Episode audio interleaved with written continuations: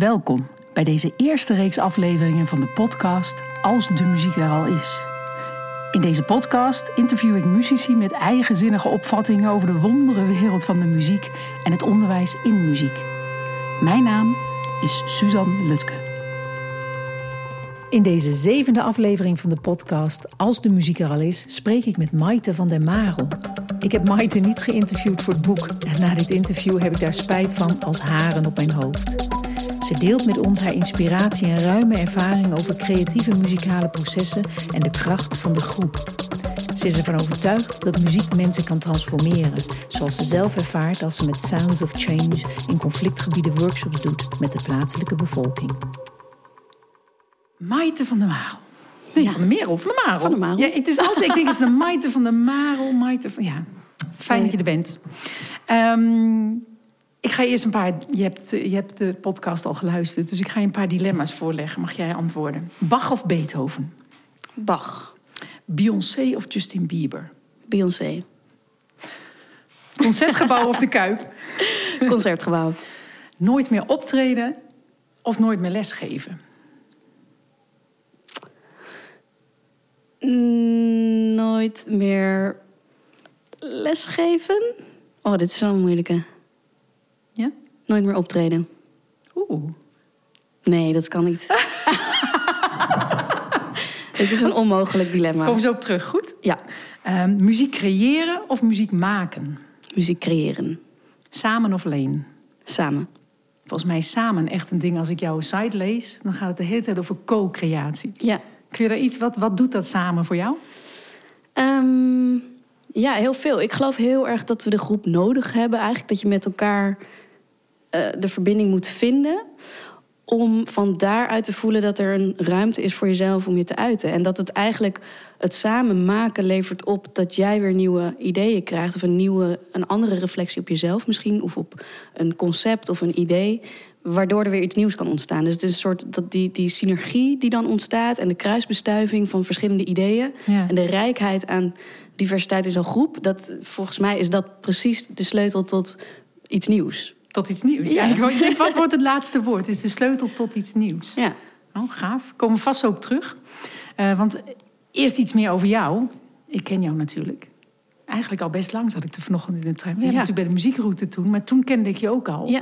Ik, weet niet, eh, ik weet niet meer... Waar wij elkaar voor het eerst. eh, Iets met guildrol, zou ik zeggen. Ja. We moeten het misschien ook wel even over hebben in deze podcast. Oh ja. Dat lijkt me ook leuk. Maar goed, wat, even over jouzelf. Ehm, wat is het... Kun jij je het eerste moment in jouw leven herinneren... waarin muziek een, een, een, een, een rol had? Kun je je het eerste muzikale moment herinneren? Dat ik zelf muziek maakte of ja, of, of, of dat beleefde? muziek op een of andere manier jou raakte? Mm. Er komen twee dingen bovendrijven. Eén is echt heel, een heel huiselijk ding... dat mijn moeder vroeger stond te strijken... en dat Aretha Franklin opstond. Je kunt het slechte treffen. Dat was inderdaad een goede start. Ehm, waar mijn zus en ik dan eh playbackend of zingend eh, en dansend door de kamer gingen. Ehm, en het andere wat me te binnen schiet... ik heb vanaf dat ik zes jaar was een Walkman gekregen. We hadden dat alle drie, mijn broer, mijn zus en ik. En dan zaten we in de auto en dan eh, ja, urenlang gewoon je koptelefoon op. En mijn broer die maakte dan van die mixtapejes met verschillende liedjes. En ik was helemaal fan van Michael Jackson op een gegeven moment. En het, ik kon gewoon uren me helemaal verliezen in het luisteren naar, naar muziek. Wat gaaf. Maar ik, mijn indruk was dat je wat jonger was. Maar als jij een Walkman hebt en Michael Jackson en mixtapejes... Ja. Dan, dan valt het misschien nog wel... eh, ik herinner me dat namelijk ook heel goed. Ik heb ook nog steeds... Als ik een liedje nu op Spotify hoor... dat ik dus nog hoor waar de knip zat op mijn bandje. En dat ik dan ook hoor wat het volgende liedje was. Want die kwam er dan meteen Ja, tegenaan. ja. Met toonhoogte ook Ja, fantastisch. Ja. Ik, ik had op een gegeven moment, was ik twaalf, heb ik een stereotoren gekocht... waar je dan van de radio kon opnemen op je cassettebandje. Maar er zat ook een cd, drie cd-wisselaar in. Ah. Dus het was wel, ik zat net in die overgangsfase ook weer. Wel cool. Ja, heel gaaf. Dat was de eer. had- Je zei, ik heb twee dingen komen naar boven. Waren dat de achter in de auto en de... Ja, ik denk dat dat voor mij de, de, de hele fijne ervaring met muziek eh, waren of zo. Ik heb wel echt van jongs af aan ook... Nee, weet je, zat ik in een kinderkoor en eh, de AMV-les op de muziekschool en een instrument kiezen. En dat, dus het was altijd aanwezig, muziek. Maar dit zijn wel de, de zeg maar, los van onderwijs, zeg maar, Ja. de momenten die me bijblijven. En, eh, en is er een moment geweest waarop je dacht van... hé, hey, ik wil hier wat mee met mijn leven. Dit is, dit is meer dan alleen maar leuk in mijn leven. Ik ga hier een, op een of andere manier een invulling van maken. Is er, weet je dat nog? Ja, nou, ik, sterker nog, ik wilde dat eigenlijk helemaal niet. ik was eh, denk ik een jaar of... Ik was negen toen ik pianoles kreeg voor het eerst. Ja.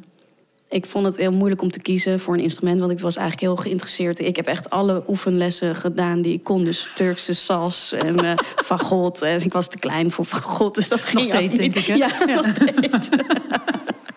ik probeer het elke keer weer, maar nee. Ja, nee, nog En, en viool, maar dat vond ik meteen helemaal niks. Weet je, wel. ik had een heel, wel een heel sterk gevoel snel bij een instrument. Ja. Maar toen had ik piano gekozen. En, ehm, want mijn broer speelde al gitaar, dus dat hoefde ik dan niet, dat deed hij dan. Nou, en vervolgens, ehm, ja, ik vond mijn lessen op de muziekschool denk ik niet heel inspirerend. Want toen ik elf was, stelde ik mezelf aan mensen voor met... ik ben Maite en ik word later geen pianist. ik vond het echt, ja, ik had daar blijkbaar een soort beeld bij. Ja. Ehm, maar muziek heeft me altijd enorm gefascineerd. Ik denk dat ik een jaar of veertien was. Toen was ik wel klaar met piano en toen wilde ik eigenlijk alleen maar drummen. Mhm. En toen zeiden mijn ouders, nou dat is goed, ga jij drummen. Maar niet, eh, je moet ook pianolessen blijven nemen. Nou, dat was fantastisch. Ja. En toen ontdekte ik eigenlijk ook... Het was, toen had ik een docent die vroeg, wat vind jij leuk om te spelen? En we gingen echt eh, toffe cd's uitzoeken. En Ja. Rage Against the Machine meespelen. Weet je, gewoon echt zo'n puber vibe. Maar ehm, ik, ik deed eh, het VWO en ik, ik was heel geïnteresseerd in mensen gewoon überhaupt. Dus ik wilde iets met psychologie, sociologie. Eh, maar toch, ik heb denk ik twee tussenjaren zelfs genomen... om erachter te komen dat eigenlijk wat me echt drijft is muziek en mensen. Dus dat Ja. was voor mij een, een motivatie om toen te denken... hé, hey, ik wil eigenlijk iets in, eh, ja, met mensen en muziek. Dus docent muziek lag het meest voor de hand. Ja. En op, en op welke manier wist ik niet. Ik wist dat ik het zelf, het muziekonderwijs op school, niet zo leuk vond. Dus ik dacht, dat moet anders kunnen. dus het ging wel heel ambitieus meteen. Van, nou, wat, wat zou er nog meer mogelijk zijn? Super. Want je hebt in Rotterdam gestudeerd. Als we, eh, ik Ja. ken jou, ik weet wat je doet. Maar ik zou je eens een beeld kunnen schetsen voor wie naar deze podcast luistert. Wie is, wie is Maite? Wat, wie, is, wie is de muzikale persoonlijkheid Maite? Wat, wat doet het allemaal? Ja, wat doe ik Wat is allemaal? ze? Wat, wat, drijft, nou ja, wat drijft er? Heb je al iets? Nou, dat weet ik niet. Ja, Wie is ze? ja, nou, ik denk dat ik ehm, een heel breed geïnteresseerd persoon ben... die echt eh, enorm... Ik ben echt gefascineerd door mensen. Ik vind mensen waanzinnig. Iedereen heeft zoveel ideeën en creativiteit en, en zijn eigenheid. En daar wil ik altijd... Juist die personen die nog meer een soort specifieke eigenheid hebben... dat vind ik echt super fascinerend om daar naar op zoek te gaan. En wat ik doe is maakprocessen eh, faciliteren of teweegbrengen. ehm, processen waarin groepen met elkaar iets gaan maken. Ja. Met als doel dat het een stuk wordt wat echt van hen is. Waar zij hun eigen identiteit in terug kunnen vinden en, Ja. ehm, of in kunnen onderzoeken. Ja. En dat doe ik eh, ehm, niet meer alleen in Nederland. Dat heb ik heel lang in onderwijscontexten gedaan. Dus vooral ehm, eerst middelbare scholieren. Vond ik echt te gek om mee te werken. Veel projecten in Tivoli Vredenburg gedaan. Dat doe ik nog steeds. Ja. En dat zijn maakprojecten. En dan gaan ze in drie dagen performance maken. Mhm. Eh, dus dat heeft echt een artistiek doel. Maar ik heb ook, ehm, ik werk nu vooral in het buitenland, in conflictgebieden, ja. in het Midden-Oosten met Sounds of Change. En eh, dat gaat eigenlijk over het trainen van mensen in, nou ja, wat kun je nou, hoe kun je deze processen inzetten om de gemeenschap te versterken en met elkaar een nieuwe basis te creëren waarvanuit er weer iets nieuws kan ontstaan. En vaak werken we met mensen die ook met kinderen en jongeren werken. Dus we geven ze ook de tools om muziek daarmee daarin te zetten. Trainer, trainerachtige Ja, context. echt trainer, Ja. trainer. En, ehm, maar het is ook allereerst hun eigen proces om weer veiligheid te voelen en zichzelf te kunnen uiten. Ja, want wat doet muziek? eh, wat doet muziek zoals jij het ziet in die, in die conflictgebieden? Wat gebeurt er dan? Kun je dat eens beschrijven? Misschien gewoon, je mag ook gewoon een voorbeeld geven van, nou, dit is bijvoorbeeld. Als ik hier aan terugdenk, dan lopen de rillingen nog over, me, Ja. over mijn nek, zeg maar. Wat maak jij mee? Ehm, nou, allereerst wat me echt het meest verrast is... Verrast, misschien is het heel logisch, maar... Mensen zijn super veerkrachtig. Dus je komt op plekken waar je eigenlijk eh, in het kwadraat ziet... hoeveel kracht iemand in zich heeft... op een plek waar zoveel schade is eh, aangericht. En dat zijn wel mensen die ook op een bepaalde manier... een beetje vervreemd zijn geraakt van zichzelf... en van, van hun omgeving. En op het moment dat je dan zo'n proces doet... en we werken dan bijvoorbeeld vijf dagen... en je gaat dan iets maken dan zie je aan het begin een groep die gewoon denkt: wat is dit? Want we doen ook gewoon gekke dingen en improviseren. Nou, dat is eh, gewoon helemaal niet aan de orde. Daar muziek is vaak helemaal niet aan de orde. Nee. Uh, vrij conservatieve milieus, dus mensen mogen vaak ook geen muziek maken. Wat voor soort landen zit je? Uh, Jordanië, Libanon, Palestina in de Westbank, ja. Egypte. Ja, dus dat zijn ook inderdaad heftige ja. gebieden. Ja, ja en um, maar ja, het is, ja, hoe beschrijf je het? We hadden laatst in september een supermooi project in Jordanië. En dat, eh, een deel van de groep was muzikant en een deel niet. Um, maar er kwam op een gegeven moment een omslagpunt waarin mensen hun verhaal gingen delen. En dat hadden we op een creatieve, artistieke manier gedaan, zeg maar. Dat hun herinneringen werden vertaald in muziek eigenlijk. En op dat moment, we hadden dus eerst drie dagen gebouwd aan gewoon veiligheid in de groep. Mhm. Waardoor dat kon ontstaan, dat mensen iets wilden delen. En toen hoe zij elkaar opvingen daarin en met elkaar dus... Uh, ja, je krijgt gewoon zulke pure muziek die daaruit komt. Het is zo... Het komt zo vanuit het hart. Met, met hele, echt alle emoties komen voorbij. Het is niet alleen maar heel trieste boodschappen in de muziek. Het zijn juist mensen die heel hoopvol zijn in hun teksten en muziek. En dat, uh, als je daarna ziet dat ze zichzelf zo overstegen hebben daarin. En um, dat ze voelen dat ze een familie zijn waar ze daarvoor zich heel eenzaam en geïsoleerd voelden. Die mensen zijn nog steeds met elkaar muziek aan het maken. Dat is gewoon ongelooflijk, weet je wel. Dus... En is dat dan, even de zoektocht, hè, zoek ik, is dat dan specifiek aan muziek? Of had dat ook gekund? Uh, nou, we hebben laatst samen iets bij Akoesticum gedaan. Zou het ook door een schrijfopdracht kunnen? Of is er iets aan die muziek voor jou? Hè? Het hoeft niet op zoek naar de waarheid. Voor jou dan zeg je, maar, maar muziek voedt, voedt voegt dit eraan toe. Dit is wat muziek dan doet in zo'n proces. Heb je daar zicht op al? Of? Ja, nou dat heb ik vooral geprobeerd zelf ook te achterhalen door vragen te stellen aan mensen wat het voor hun doet. Mhm. En wat ik eigenlijk vaak terughoor, is dat ze zeggen: ja, er zit, zitten heel veel emoties in mij. Er is van alles gebeurd in mijn leven. Ehm, en dat zijn pijnlijke emoties. En ik vind nu een weg om ze eruit te laten. En op een mooie manier. Dus dan heeft muziek iets heel troostends, denk ik. Ik krijg er kippenvel van ja. als het zegt. Ja. Maar dat is wel fascinerend, want dan blijkbaar dus... dus en kun, hebben zij muzikale vaardigheden? Of, of... De meeste niet eigenlijk. En, en hoe, hoe kan het dan dat zij daar blijkbaar dat toch, ondanks dat, dat ze toch daar uiting aan kunnen geven. Heb je daar, wat zie jij dan? Ja, dat is het meest fascinerende aan welke groep ik dan ook mee werk. Ik werk ook veel in organisaties bijvoorbeeld. Nou, Er zitten heel vaak mensen die nooit muziek maken. Iedereen heeft een verhaal, iedereen heeft iets te vertellen. En muziek, het hoeft helemaal niet ingewikkeld te zijn om het te laten raken. Dat is vaak ook zo'n misvatting. Mhm. dat we, wat ik, waar ik zelf ook veel last van heb gehad. Dat ik dacht dat ik heel virtuoos moest kunnen spelen. Mhm. Anders tel ik niet mee als muzikant. Maar mhm.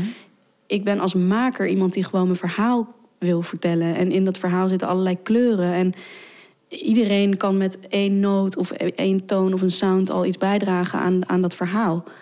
En ik denk dat die mensen daar in een soort basale eenvoud voelen dat dat kan. Dat je dus niks hoeft te kunnen. En misschien zijn ze wel heel veel vrijer omdat ze geen muzikale achtergrond hebben. Dus dat je dan ook, dat is ook wel. Een interessante gedachte. Ja, ik zie dat best veel eigenlijk. Dat je minder uh, gelimiteerd bent. Je gaat gewoon op onderzoek uit. Ja. Ja, in, in het boek ehm, beschrijf ik op een gegeven moment... ik heb een onderzoek gelezen van Evert Bisschop-Boelen... en die, die schrijft over de culturele code in Nederland... als het gaat over muziekles. Dus als je je kind op muziekles doet... of wanneer is een, wanneer is een kind muzikaal? Die vraag heeft hij. En dan zit er eigenlijk een, een soort code in Nederland. Je bent muzikaal als je een instrument goed speelt... of meer dan verdienstelijk... en als je noten kunt lezen. Dus wanneer jij bent, je bent zeker heel muzikaal... dan kun je die twee dingen... Ja. Dus dat vind ik wel een interessante gedachte. Want dat legt dus een enorme druk ja op mensen om iets met muziek te doen. Want ja, ik speel geen instrument. Dus ja, dan, uh, houdt het op. dan houdt het op. Hè. Veel leerkracht ook. Ik geef geen muzieklessen, want ja, ik kan niet zingen. Dus uh, of ik uh, heb nooit de blokfluitlessen op de Pabo, daar kon ik niks mee. Dus laat maar zitten is wel... Eh, Heel interessant. Maar want ik denk ook, daar loopt iedereen dus ook een trauma op. Want je gaat dus, als je kind bent, misschien heb je muziekles gehad. Of je hebt te horen gekregen op school dat je toch maar niet bij het koor moest, want je zong niet goed. En daar stopt het dan meteen hè, voor mensen. En dan maken ze nooit meer muziek. Dat is dus, afgelopen. Dus wat doe jij dan in jouw workshops, in jouw lessen, om omdat dat niet gebeurt. Wat doe jij dan dat deze mensen blijkbaar... en ook hele heftige trauma's, hele heftige emoties... naar buiten laten komen bij jou, bij jou in jouw workshop, wat doe jij dan? Wat kun je? Um, nou, het begint denk ik allemaal bij vertrouwen. Ja, het is, Het is niet de makkelijkste tool, want hoe leer je vertrouwen aan iemand als je zo'n sessie moet gaan leiden? Of... Maar ik heb zo'n diep en diep geworteld vertrouwen in dat er in die mensen iets zit. En wat ik doe, ik zet mijn eigen muzikantschap in. Dus ik help ze ook om iets te ondersteunen in muzikaal opzicht, waardoor, waardoor ze een soort bodem voelen waarop zij iets kunnen toevoegen, bijvoorbeeld. Dan heb je eigenlijk een hele andere uh, inzet van jouw muzikaliteit. Ja. Je, je, je, gebruikt het om hen te doen Ja. Uh, flowen, of ja, een Ja. beetje stom woord, maar, uh, Nou ja, om, aan, te, eh, sluiten op dat wat eruit komt. En er komt altijd wel iets uit. maar dan lift jij het nog omhoog. Ja, ja. Ja, ik vergroot het. Of ik, ja, dat is wel, dat is wel het, het craftsmanship of zo wat ik inzet, denk ik. Ja. Om te horen, überhaupt, wat, wat hoor ik allemaal terugkomen? En welke vis ik eruit om daar iets eh, mee te gaan doen? Ja, dus dat zegt wel iets over jouw eigen ambacht. Maar even terug Ja. naar jou zegt, ik heb een soort oervertrouwen hè, in die ander. Ja. Hoe, hoe kom je eraan? Hoe komt dat? Ja, dat is eh, geen idee. Ik kom uit een heel warm nest. Dat is heel fijn. Je Eh, bent dus geïnteresseerd in mensen. Ja. Ja, ik ben, ik ben een, echt een luisteraar. Vind ik fijn. Liever luisteren dan zelf in de spotlight. Daarom, daarom het dilemma met optreden of lesgeven. Ja. Ik hoef echt niet de hele tijd 24-7 op een podium te shinen. Dat vind ik helemaal niet eh, relevant. Voor mij is muziek veel groter dan ik met mijn piano op een podium of zo. Dus Ja, dat, of, misschien is je podium wel veel groter. ja, ja. Dat is ook mooi. Ja. ja, ja. ja. Vertrouw je ook, Ja. je zegt, ik, ik hou, hè, je zei in het begin van mensen interesseren, maar hebben me altijd geen. Ja. Vertrouw jij, dat is misschien wel een hele filosofische vraag, maar vertrouw jij in mensen eigenlijk? Vertrouw je in de mensheid? Ja, ja.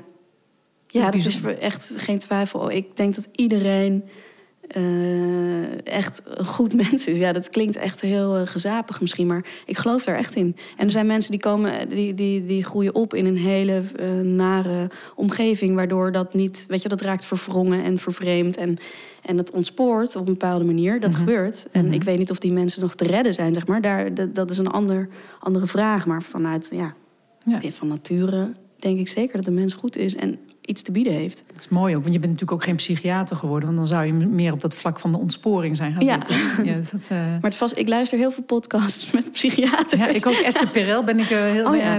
maar dat is meer... in Nou goed, het, Ja. eh, dit terzijde. Een speciale boodschap. Ehm, mooi, mooi. Dus, je, dus jouw, en dan... want de volgende vraag die ik heb eigenlijk is... Hoe, wat is de relatie tussen jouw docentschap en je muzikantschap? En heb je, daar Mhm. haak je al een beetje aan. Ja, Ehm, eh, want van oudsher op het conservatorium heb ik gemerkt, en misschien wel in de hele muziekwereld, dat er een soort hiërarchie bestaat. Hè, tussen, toen ik docent muziek ging studeren, toen studeerde mijn broer klassiek trompet. En die was echt een beetje teleurgesteld. Want die vond, die vond dat, dat heette toen nog schoolmuziek, dat, ehm, dat was dan voor muzici die niet goed genoeg waren. Die, gingen dan, eh, die werden dan docent. Terwijl ik had helemaal nooit over nagedacht. Voor mij was het was nooit een optie. Ja, uiteindelijk heb ik het gedaan, maar het was nooit een optie om, om muzikant te worden. ja. Ehm, maar, eh, en dus voor mij zit daar, zit daar een relatie tussen. Maar hoe werkt dat voor jou? Hoe zit dat? Je hebt iets benoemd net hoor, maar hoe, zit, hoe is die relatie tussen wie jij als muzikant bent en hoe je dat in je docentschap, hoe dat, nou, hoe verhoudt dat zich? Punt. Nou, ik heb me daar eerlijk gezegd ook, ik heb daar ook mee geworsteld. Ik ben naar Codarts gegaan omdat zij zeiden... we hebben een docent muziekopleiding die uitgaat van je muzikantschap. Dat vond ik heel interessant, want ik wilde ook gewoon een goede muzikus worden. Mhm. Ehm, tegelijkertijd had ik de het gevoel dat het nooit goed genoeg was. Dus ik, ik heb heel erg geworsteld met mijn eigen oordelen over mezelf. Ja. Eh, misschien wel een van de redenen om te doen wat ik doe voor anderen, is omdat ik dat zelf misschien heb gemist. Ik heb heel veel oordelen gevoeld, ook op mezelf geprojecteerd, denk ik. Ja. Ehm, maar ik geloof wel dat. ehm, ik heb wel echt geleerd in de afgelopen jaren dat dat muzikantschap. Het is zoveel breder dan. Ik ben niet een pianist of zo, weet je wel. Ik ben iemand die muziek gebruikt op allerlei manieren. En het componeren en het onderzoeken en het, het verfijnen van ideeën. eh, dat is een heel breed eh, ding. Maar daar zet ik echt mijn muzikantschap op in. En dat is een heel brede blik op, op mijn muzikantschap eigenlijk, denk Ja. ik. Ehm, en docent, ja, ik, soms dan had ik ook moeite mee dat je, dat je dan dus als docent een klas ingaat. Maar waarom ben ik niet gewoon als muzikus in de klas? En is dat niet gewoon wat het is? Ja. Waarom moet het nou weer in een soort format gestopt worden? En dan moet je weer. Dat had ik, vond ik dus ook heel vervelend tijdens mijn opleiding. Dat ik dan allerlei methodes. eh, ja, je moet natuurlijk methodes onderzoeken, dat is natuurlijk belangrijk. Eh, Het is jammer dat jullie de blik niet zien nu. ja. Heel belangrijk. Ja, ja, ja. Eh, Ja, je moet alle informatie tot je nemen. je moet, het- ja, voordat je een oordeel hebt, moet je het goed kunnen afwegen. Precies. Ja, ja. Dus wat deed ik? Ik ging die werkvormen naar mijn eigen hand zetten. Want ik had er een ander idee bij. En dat was heel leuk, want dat was een soort muziek maken voor mij, weet je Ja. wel. Ik ging eh, ritmes bij verzinnen of ik weet ik veel wat ik allemaal bedacht. En dat doe ik nog, is nog steeds mijn fascinatie, Ja. om gekke werkvormen te verzinnen. Ja, leuk. Die iets oproepen, die iets prikkelen, weet je wel. En dat Ja. kan heel abstract zijn, maar het kan zoveel doen. Ja. En het, het, het boort een soort speelsheid aan. En dat miste ik in die methodieken eigenlijk heel erg. Ja. En daardoor roest je ook in je... Nou, roest vast, maar je, je komt zo vast te zitten in een bepaalde... Ja, een bepaald stramien of zo. En ik, Ja. ik heb toch, ben een beetje wars van routinematige dingen, geloof Nee, dat is misschien wel Ze hebben wel een iets functie, maar Ja, nou ja dat, ja, dat weet ik niet. Ja, misschien. het ligt eraan hoe je ze gebruikt. Dat vind ik altijd wel voordeel van ouder worden. Dat je iets meer los kunt laten. Oh Dus, ja, eh, maar, ja. maar als je nou kijkt naar jouw lesgeven. Welke, eh, want, eh, hoe je het ook benoemt. Hè, als je les geeft, dan is het de bedoeling dat de ander in de context... of de anderen op een of andere manier een ontwikkeling aangaan. Ja. Dat, ze, hè, dat is Ja. over het algemeen wel een beetje... als we het nou helemaal uitkleden, de definitie van lesgeven... Welke overtuigingen zitten er bij jou onder? Zeg van, nou, in mijn lesgeven hier, jij zegt al vertrouwen, hè? vertrouwen in dat die ander wil, Ja. dat, die ander, eh, dat die ander goed is. Ja. Ehm, eh, En dat je dat dus ook ehm, zorgt dat de groep dat, dat concept draagt. Dus samen is ook, zit ook in dat het Ja. samen leren. Ja. En dat, dat, misschien ligt er wel een hele grote focus op dat we dus op het, bijna het vieren van al die verschillende ideeën in de groep. En zorgen dat er een plek is waar iedereen gewoon op eh, zijn eigen manier dat kan uiten. Want je, je krijgt gewoon een heel saai muziekstuk als iedereen hetzelfde speelt. Dus Ja. dat is gewoon per definitie al. Ja. Muziek bestaat bij de gratie van juist die dissonanten die weer terugkomen. Ja. Of, eh, eh, ehm, of die erin voorkomen. In plaats van dat het de hele tijd hetzelfde is. Dus ehm, ik denk in die ontwikkeling. Ja, tuurlijk. Je, je focust ook op een bepaalde ontwikkeling die je door gaat maken met zo'n, met zo'n groep of met een leerling. Maar dat zit denk ik ook in een soort onverwachte ontwikkeling. Ik, ik denk persoonlijke ontwikkeling, gewoon überhaupt reflectie op jezelf, op de Ja. ander. Wat zie je bij de ander? Wat betekent dat voor jou? Hoe scherpt dat weer je blik? En dat, volgens mij ben je continu bezig met een soort identiteitsvorming, waarin je een soort raamwerk continu weer reconstrueert of zo. Zo zie ik het een beetje. Het is echt een soort puzzeltje. Ja. En elke eh, keer als jij in een maakproces gaat, kom je weer een ander ideetje tegen of een ander stukje van jezelf. Of dat verandert, of het. eh, Dat kan gewoon. Dat is een beetje het onderzoekende proces, denk ik, Ja. wat ik in de ontwikkeling interessant vind. Ja, en, dat is, maar dat, en, en als jij nou kijkt naar al die mensen met wie je werkt, wanneer, gaan ze, wanneer komen ze eigenlijk in beweging? Weet je, heb je daar zicht op? Dus wat, wat zijn de, de momenten dat je merkt dat. Hè, wij waren laatst in Ede. Ja. Nou, wel, ik vond het best, het was best een, een diverse eh, doelgroep. Dus Ja. Het is niet helemaal Egypte, maar toch. Hè, eh, en we moesten in twee uur, tweeënhalf uur moesten van alles komen. Wat is dan het moment dat je merkt in je workshop dat ze, dat ze in beweging komen? Wat gebeurt er dan? Heb je daar. eh, Hmm, goeie vraag. Ehm, ik denk dat wat ik doe als workshopleider is wel continu teruggeven wat ik zie en signaleer.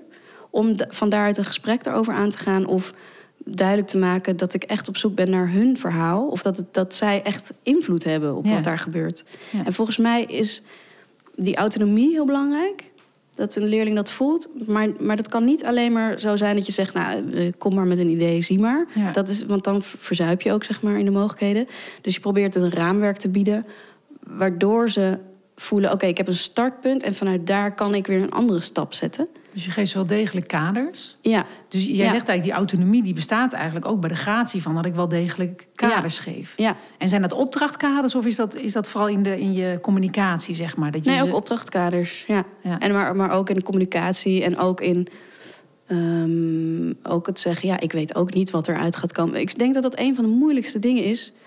eh, waarom er natuurlijk ook methodieken in de wereld zijn. Mensen vinden het gewoon heel eng om niet te weten wat er gaat komen. Wat En jij gaat kunt daar goed gebeuren. mee dealen. Ja. Nee, ik vind dat ook spannend. Het is Ja. altijd spannend.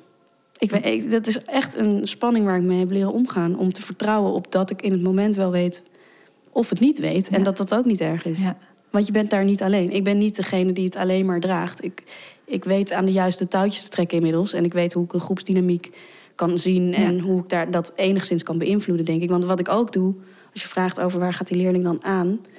is eh, eh, als zodra ze een idee hebben, dus dat eruit pikken en groter maken. Maar ze ook dan op een gegeven moment zeggen... oké, en nu gaan we met z'n allen Ja. het zingen. Ik speel hier een schema aan. let's go. Ja. En vaak zijn ze overrompeld, omdat het een stap is die ze anders echt niet zouden zel- zelf zouden zetten, denk ik. Omdat het te groot voelt. Ja.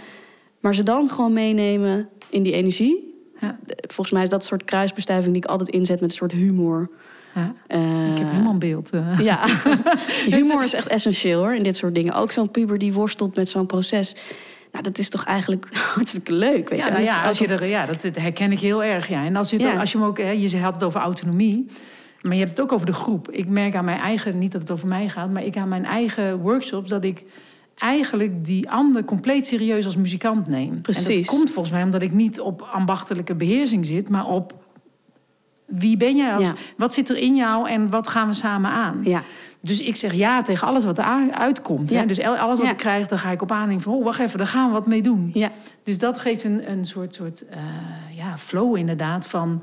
oh ja, gaan we doen. En als je op dat moment zegt, nou, daar gaan we met z'n allen... dan, ja, Ja. dan zit je er al in. En dan, Ja. eh, ja. En ik maak ook vaak, wat ik ook heel fascinerend vind zelf, is hoe kun je het een beetje je grenzen opstretchen, of zeg maar je grenzen stretchen. Dus Ja. die leerling is best wel gewend om dan, nou, die wil dat dan op één manier, want dat kent hij en dat is veilig natuurlijk. Ja. En daar moet je misschien ook beginnen. Daar ontmoet je je groep ook, denk ik.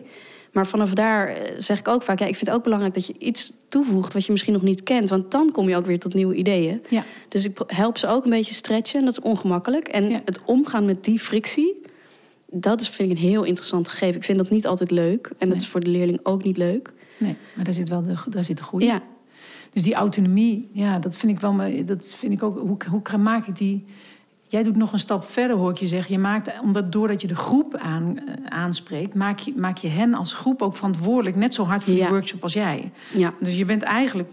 Natuurlijk heb je een andere rol en je hebt een andere expertise... maar we gaan dit samen doen. ja. Waardoor je dat getrek ook wat minder hebt. Dat, eh, Ja. dat, ehm, En er is ook een punt waarop ik wel echt mijn artistiek leiderschap Ja. inzet. En Ja. gewoon zeg, oké, nou, dit is nu, nu gaan we het fine-tunen. ja. En daar, dat, dan ben ik wel weer, kan ik heel sturend zijn soms. Omdat ik gewoon kwaliteit wil leveren met hen. Ja. En dat, eh, eigenlijk zorgt het ervoor dat je hun product serieus neemt, volgens ja. mij. Ja, want dan ben je... Dat is ook, ja, mooi. En Ja. daar breng je het ambacht weer terug. Dus ik denk dat dat ook. Soms ontstaat het ambacht nadat dat onderzoek is geweest. Eh, Dan ontstaat er een motivatie om iets op een bepaalde manier heel goed te gaan doen. Of om die ladder nog eens goed uit te zoeken. Of om te kijken hoe eigenlijk, wat, als we nou analyseren, wat is dit dan eigenlijk? Dat kan heel interessant zijn. Hoeft super. niet altijd, maar het, het kan wel. Ja, je neemt het serieus dan, het idee, denk ik. Ja. Hey, en, want we hebben het eigenlijk ook over. eh je zei, ik heb zelf geworsteld met mijn muzikantschap ook. Hè. Wat, wat, eh, Ja. wat is het dan? Wat, dat is misschien, misschien meteen wel een vraag. Wat is het dan om een goede muzikant te zijn eigenlijk? Wat is dat? Kun je- Ja. wat is dat, een goede muzikant? Nou, ik worstel er nog steeds mee, hoor. Ja. Ik weet niet of er muzikanten zijn die dat niet meer hebben, maar eh, het staat me soms heel erg in de weg. Want waar ik eigenlijk in geloof, is dat je een goede muzikant bent als je echt iets in beweging kunt brengen. Dat je het voelt, dat een ander voelt wat jij vertelt. Mhm. En dat die ander misschien zelfs een beetje onderdeel van het verhaal wordt. Ja. Omdat hij het herkent of omdat hij. Het raakt iemand, weet je wel. En Ja. voor, voor mij zit dat hem. Ik word het meest geraakt door muzikanten die soms misschien maar één noot spelen en dat, die komt binnen. Dus, eh, maar goed, ik heb ook echt een fascinatie voor best wel complexe muziek. Dus ik ben ook weer iemand die als, zelf als maker. Het is no- nooit af. het is, ik heb altijd nog weer honderd ideeën en het Ja. moet eigenlijk nog beter. En dat zit me soms echt in de weg. Ja. Terwijl ik in de basis moet ik dan steeds weer terug naar... oké, nee, maar ik wil iets overbrengen. Ik wil een bepaalde emotie Ja. overbrengen. En dan is soms minder doen eigenlijk beter. Ja, het, is, ik, ik was daar ook over aan het nadenken. Ik, had het, ik was aan het nadenken over het begrip intentie. En, en ehm, dus met intentie spelen. Of, en de- aan de andere kant met, met beheersing spelen. Hè? Waar ik op het conservatorium ervaar dat het veel op beheersing... Hè, op, op Ja. wat je zegt, virtuositeit, op snelheid... Ja, maar wanneer raakt iets mij nou? En toen, ik heb het voor mezelf een beetje tegenover, tegenover elkaar gezet. Ik dacht, er zijn echt wel muzici die echt ambachtelijk niet zo goed zijn, maar heel veel intentie Ja. hebben. Eigenlijk in de popmuziek heb je heel veel. Ik moet zelf aan Janis Joplin denken, die natuurlijk Ja. eh, ook, ik bedoel, die had heel veel te geven, maar uiteindelijk, nou, technisch gezien, is, is ze vocaal niet een waanzinnige eh, vocaliste of zo. Nee. Maar elke noot die zij, of elke noot die zij doet, heeft zoveel. Er is geen noot die daar niet hoeft te zijn of zo. Ja. Waardoor het, ehm, nou ja, dus ja dat vind, ik vind het ook wel. Ja, en dat is ook leuk, want ik merk ook als ik zelf eh, speel... dat ik dat ook terugkrijg als ik eh, een liedje in het Nederlands doe... wat echt recht uit het hart geschreven is. Eh, en wel op een poëtische manier, maar dat mensen gewoon. En ik ben echt niet een zangeres per se. Nee. Maar ik zing dat daar met, met de overtuiging van ik voel die tekst. Dus dat is al. Ja, dat, dat, dat is het. En ik zoek naar de sounds daaromheen met synthesizers en weet Ja. ik veel wat. Om dat kracht bij te zetten. En dat Ja. is de zeggingskracht, denk ik, Ja. die je dan zoekt. Ik kan uren met je praten, Maite. ik moet misschien ook eens wat mensen voor deze podcast uitnodigen... die echt het heel erg met mij oneens zijn. Dat Oh, zou dat ook is wel, wel interessant. Ja. Moeten we even, ja, dat ga ik ook nog eens In het doen. kader van je grenzen stretchen. Ja, precies. Ja, want ik, ik zou hier eh, het liefst op de bank gaan zitten en nog. eh, maar we gaan toch even Ja. door. Ehm, eh, ik, heb, je- heb, heb jij, ik heb je de bouwstenen van het boek gestuurd. Ja. Ehm, ehm, en nou, wat ik geprobeerd te doen heb, is eigenlijk een beetje in het verlengde wat jij zegt. De, de, het gevaar is dat je een, een nieuwe methodiek gaat schrijven. Maar dat wilde ik niet. Dus ik dacht, nou dan ga ik een fundament bouwen. En toen zei iemand, wat nou als je een Lego-plaat bouwt... en dat iedereen daar zelf op mag bouwen. Nou, dat zijn die tien... eh, eh, ja, wat zijn het bouwstenen geworden? Welk, mijn vraag aan jou is, eh, welk spreek je aan? Of welk vind je heel stom? Of waar ga je op uit? Of waar ga je op aan? Wat, waarvan zeg je van, nou, dat is wel... Ja, nou, kun je er iets over zeggen? Ja, ik heb ze niet uit mijn hoofd geleerd. Dus je, moet nee, zal ik het boek, je mag het boek openstaan. Ik, weet, ik geloof bladzijde 62, maar Oh, dat weet ik niet zeker. Ergens middenin. eh zou het kunnen? Het zou wel leuk zijn als Dat ik zou het leuk gewoon zijn als nou, het eh, klopt. Nou, Ja, dit is het hoor. ja, ja, ja, ja, ja. Kijk, de Net Lego 62, dames steentjes. en heren. Ja, ik heb het laatst gekopieerd Voor de puzzel. Ehm, ja, ik denk dat ik, ik ging wel meteen aan op nummer 1. In muziekonderwijs staat de verbeeldingskracht van de leerling centraal. In zijn persoonlijke urgentie om zich muzikaal te uiten. En zo kan hij door en met muziek in de wereld komen. Dat snap ja, ik wel. dat is ja. Nou, volgens mij hebben we het daar net eigenlijk best wel over gehad. Ja. Ehm, ja, dat onderzoek, daar zit voor mij toch ook het. Muziek is voor mij ook een soort reflectiemiddel. Gewoon. Het, het, het liegt nooit. Het is zo persoonlijk wat iemand speelt en wat Ja. eruit komt. Ehm, en dat. Ja, en ook gewoon überhaupt de verbeeldingskracht oproepen. Ik heb veel met kinderen, nou, bijvoorbeeld in de muziekroute gewerkt. Ja, En ehm, die ver- verbeeldingskracht is waanzinnig. ja. En wat daar dan uitkomt en hoe dat zo past bij die leerlingen, waardoor zij op een podium stonden alsof het de normaalste zaak van de wereld was. ja. Volgens mij zijn zij door middel van die muziek echt geland op een bepaalde manier. Ja. Zo voelde dat. Ja, ja, ja, ja. Want dat is ook een mooi project wat jullie doen in eh, Overvecht, hier in Utrecht. De muziekroute is eigenlijk een... nou, misschien kun je er iets over vertellen wat, eh, eh, eh, wat jullie daar willen en Ja. doen. Even kort. Ehm, het speelt zich af op elf basisscholen in Overvecht. En die krijgen wekelijks muziekles. Mhm. En in groep 5 kiezen ze dan voor een instrument. Dus dat is dan volgens mij cello, viool, slagwerk, trompet of klarinet. Ehm, en ze kunnen ook na schooltijd les krijgen. Dan gaan ze nog meer de diepte in. En de andere klassen krijgen allemaal zangles. Ja. Ehm, Maar jullie hebben een andere... Kijk, dat, het klinkt als... Ja. Het, hè, in heel Nederland zijn er allemaal projecten op scholen Ja. en eh, leerorkesten. En, eh, maar volgens mij doen jullie andere dingen in ja, dat is fundamenteel anders. Ik ben er overigens niet meer bij betrokken. Dus ja, de muziekgroep, daar was ik tot vorig jaar bij betrokken. En ehm, eigenlijk gaat het ook helemaal uit van het concept van we gaan samen maken Ja. en improviseren. En Ja. alle eh, presentaties die worden gedaan of concerten, die zijn samengesteld vanuit ideeën van de kinderen. Ja. Gecombineerd met repertoire ook. Ja, oké. ja, en het, snap gaat, het is een heel onderzoekend proces. Het gaat eh, ook heel erg over waar ligt hun inspiratie, wat kunnen we daaruit meenemen, hoe gaan we daar omheen iets eigens maken, Ja.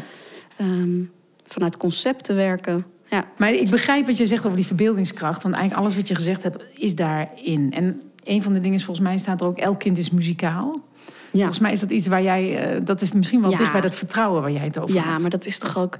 Ja, ik heb een nichtje van één. Mhm. Ja, die is hartstikke. Die vindt alles met, met muziek gebeurt. Die zit te dansen en Ja. eh, die, die hoort er iets in. Ja. Eh, en dit is gewoon zo natuurlijk. Ja. Kinderen zijn gewoon kunstenaars. Dat Ja. is gewoon. Alleen, het, je hoeft het niet eens zo te noemen. Dat is bij ons een hele beladen term. Ja. Maar voor kinderen is creëren en onderzoeken en spelen en improviseren heel normaal. Waarom doen we het niet meer dan?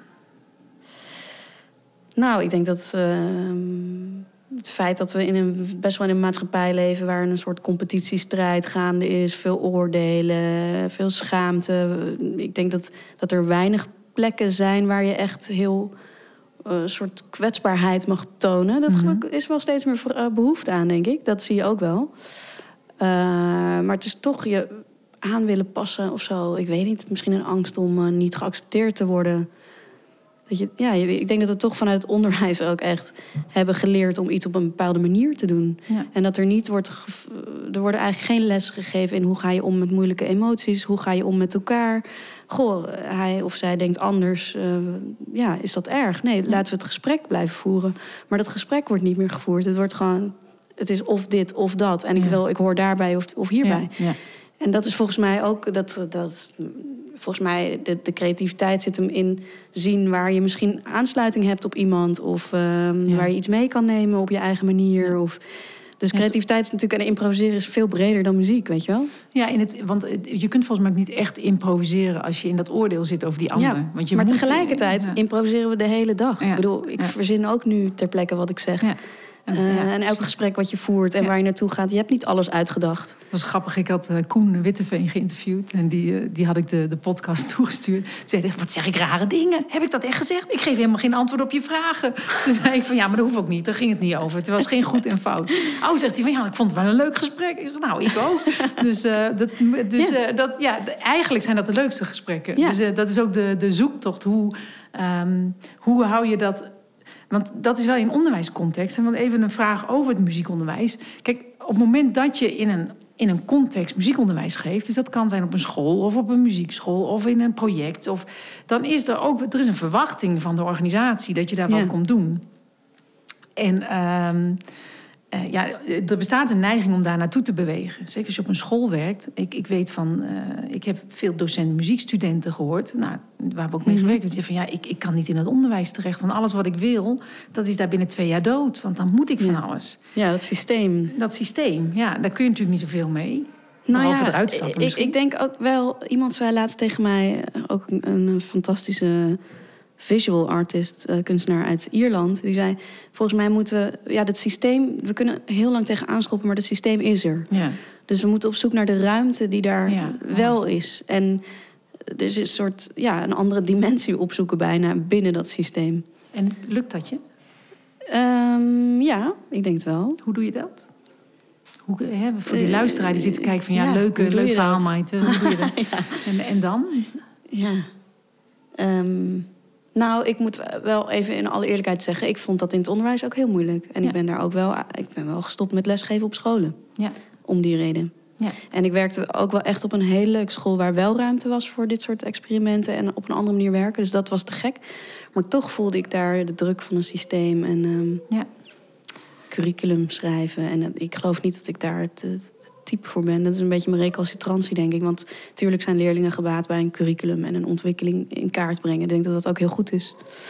Maar ehm, Maar jij wil daar geen rol in spelen. nee. Maar ik zit nu wel weer in een ander systeem. Als ik kijk naar de ontwikkelingshulp of eh, NGO-wereld... Ja. waar ook echt een systematiek zit... en een politiek systeem ook Ja. waar je gewoon mee te maken hebt. Ja, Ja. daar kun je dan heel lang heel boos over zijn. En dat ben ik ook wel. Want ik zie heel veel onrecht. Ehm, maar eh, ik denk dat wij toch proberen te zoeken naar... oké, hoe kunnen we samenwerken met organisaties... die op eenzelfde lijn al zitten als wij. Mhm. Daar gaan we iets toevoegen samen met hen. Dus we sluiten aan op wat Mhm. er is. Mhm. En dan gaan we van binnenuit die communities Mooi. Ja. versterken. En ik geloof dan weer echt in de kracht van de mens. Dus dan vindt het zich, het vindt wel een weg. En ik geloof ook dat als we op deze manier werken aan die verbeeldingskracht en persoonlijke ontwikkeling door middel van muziek, dat mensen gaan zien dat zij ook invloed hebben op, op die omgeving en ook dus op dat systeem uiteindelijk. Ja. En ik zie toch wel steeds meer in Nederland bijvoorbeeld dat mensen zich onttrekken bijna van het Ja. politieke systeem, omdat het zo, de democratie is niet echt meer een democratie bijna. Nee. En, en hun stem wordt niet gehoord. We polariseren heel erg. Maar je wil eigenlijk dat mensen wel gaan zien dat ze invloed kunnen hebben. Al Ja. is het maar in je eigen wijk. Dat je eh, hallo durft te zeggen tegen mensen uit je wijk. zou- ik al genoeg vinden in een soort verandering... In, waar, waarin we weer de verbinding zoeken en het gesprek kunnen aangaan. Ja, ja mooi. Ik, ik denk wel eens dat het begrip vrijheid soms gemisinterpreteerd wordt. Want voor mij is vrijheid, bijvoorbeeld vrijheid van meningsuiting, heel belangrijk. Maar voor mijn gevoel vergeten we vaak dat daar ook verantwoordelijkheid zit. Dus op het moment dat je vrijheid Ja. hebt, een evenknie is. Maar en ik, en ik draag verantwoordelijkheid. Het kan niet Ja. zijn, ik heb vrijheid van meningsuiting, dus ik mag alles maar zeggen. Nee, je hebt vrijheid van meningsuiting omdat je verantwoordelijkheid hebt om die samenleving te helpen vormgeven. Ja, En dat precies. is iets waar ik wel eens denk van, oh ja, dat, dat vind ik wel. En wel mooi vertaald naar muziekproject. Want daar ontkom je er niet aan dat je ook verantwoordelijkheid neemt voor dat stukje. Ja.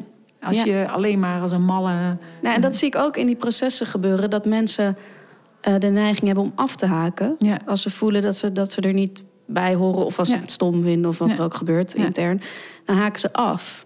En eigenlijk is dat precies het punt waarop wij zeggen... oké, je kunt afhaken, maar je kunt ook iets anders doen. En je kunt ook er nog steeds bij blijven en jouw idee geven. Want die ruimte is hier echt. Ja, de uitnodiging dus. Ja, Ja, de, de, er zit er ook ergens in dat, het, eh, dat we een.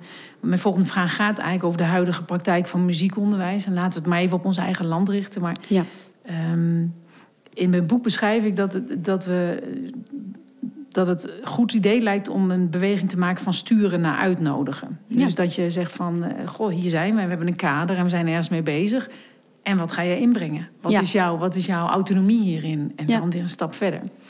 Maar goed, dat zie ik dan. Als jij nou kijkt naar ons huidige muziekonderwijs. Hè, je zei van, soms word ik wel boos. ja.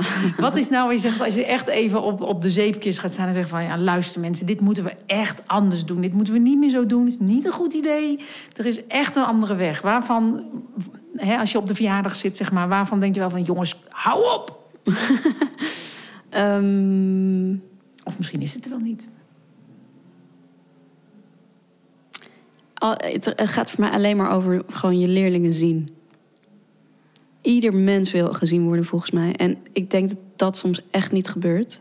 En daar word ik boos van. Want dat is een gemiste kans. Sommige kinderen worden heel erg weggezet met een bepaald label, met een bepaald oordeel. En kunnen per definitie al niet meer deelnemen.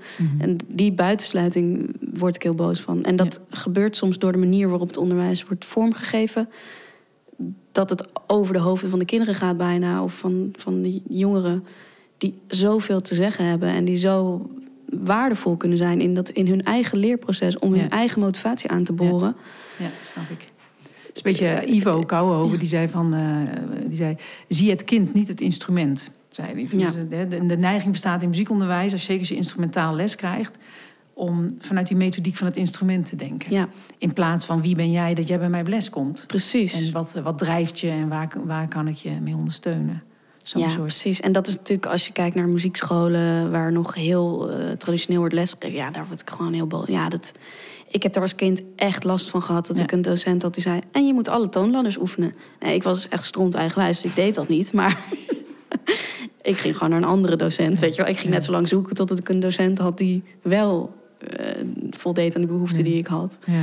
Maar er zijn kinderen die op deze manier eh, ook heel snel afhaken. Nou ja, want ik, natuurlijk, ik heb dit gesprek met veel muziekcollega's. En die zeggen dan van, nou ja, maar god, wij, wij, hebben, wij zijn hier nou ook. We hebben, ook niet opgegeven. Zeg van, ja, maar realiseer je dat wij een bubbel zijn. Wij hadden blijkbaar iets, ergens in ons was een haakje... waardoor we het niet hebben opgegeven. Maar voor elk van ons staan tien andere kinderen... Ja. die wel afhaken. En als wij met z'n allen meer Ja. muziek in de klas... weet ik veel, subsidie hier, subsidie daar... maar we blijven doen wat we deden... Ja. dan als straks die subsidie op is... ja, hier sta ik even op mijn zeepkist... Hè, dan, dan is het, volgens mij is het dan weg Ja. dan, dan hebben we niks wezenlijks veranderd in, de, in onze pedagogiek bijna. Dan hebben we niks wezenlijks veranderd.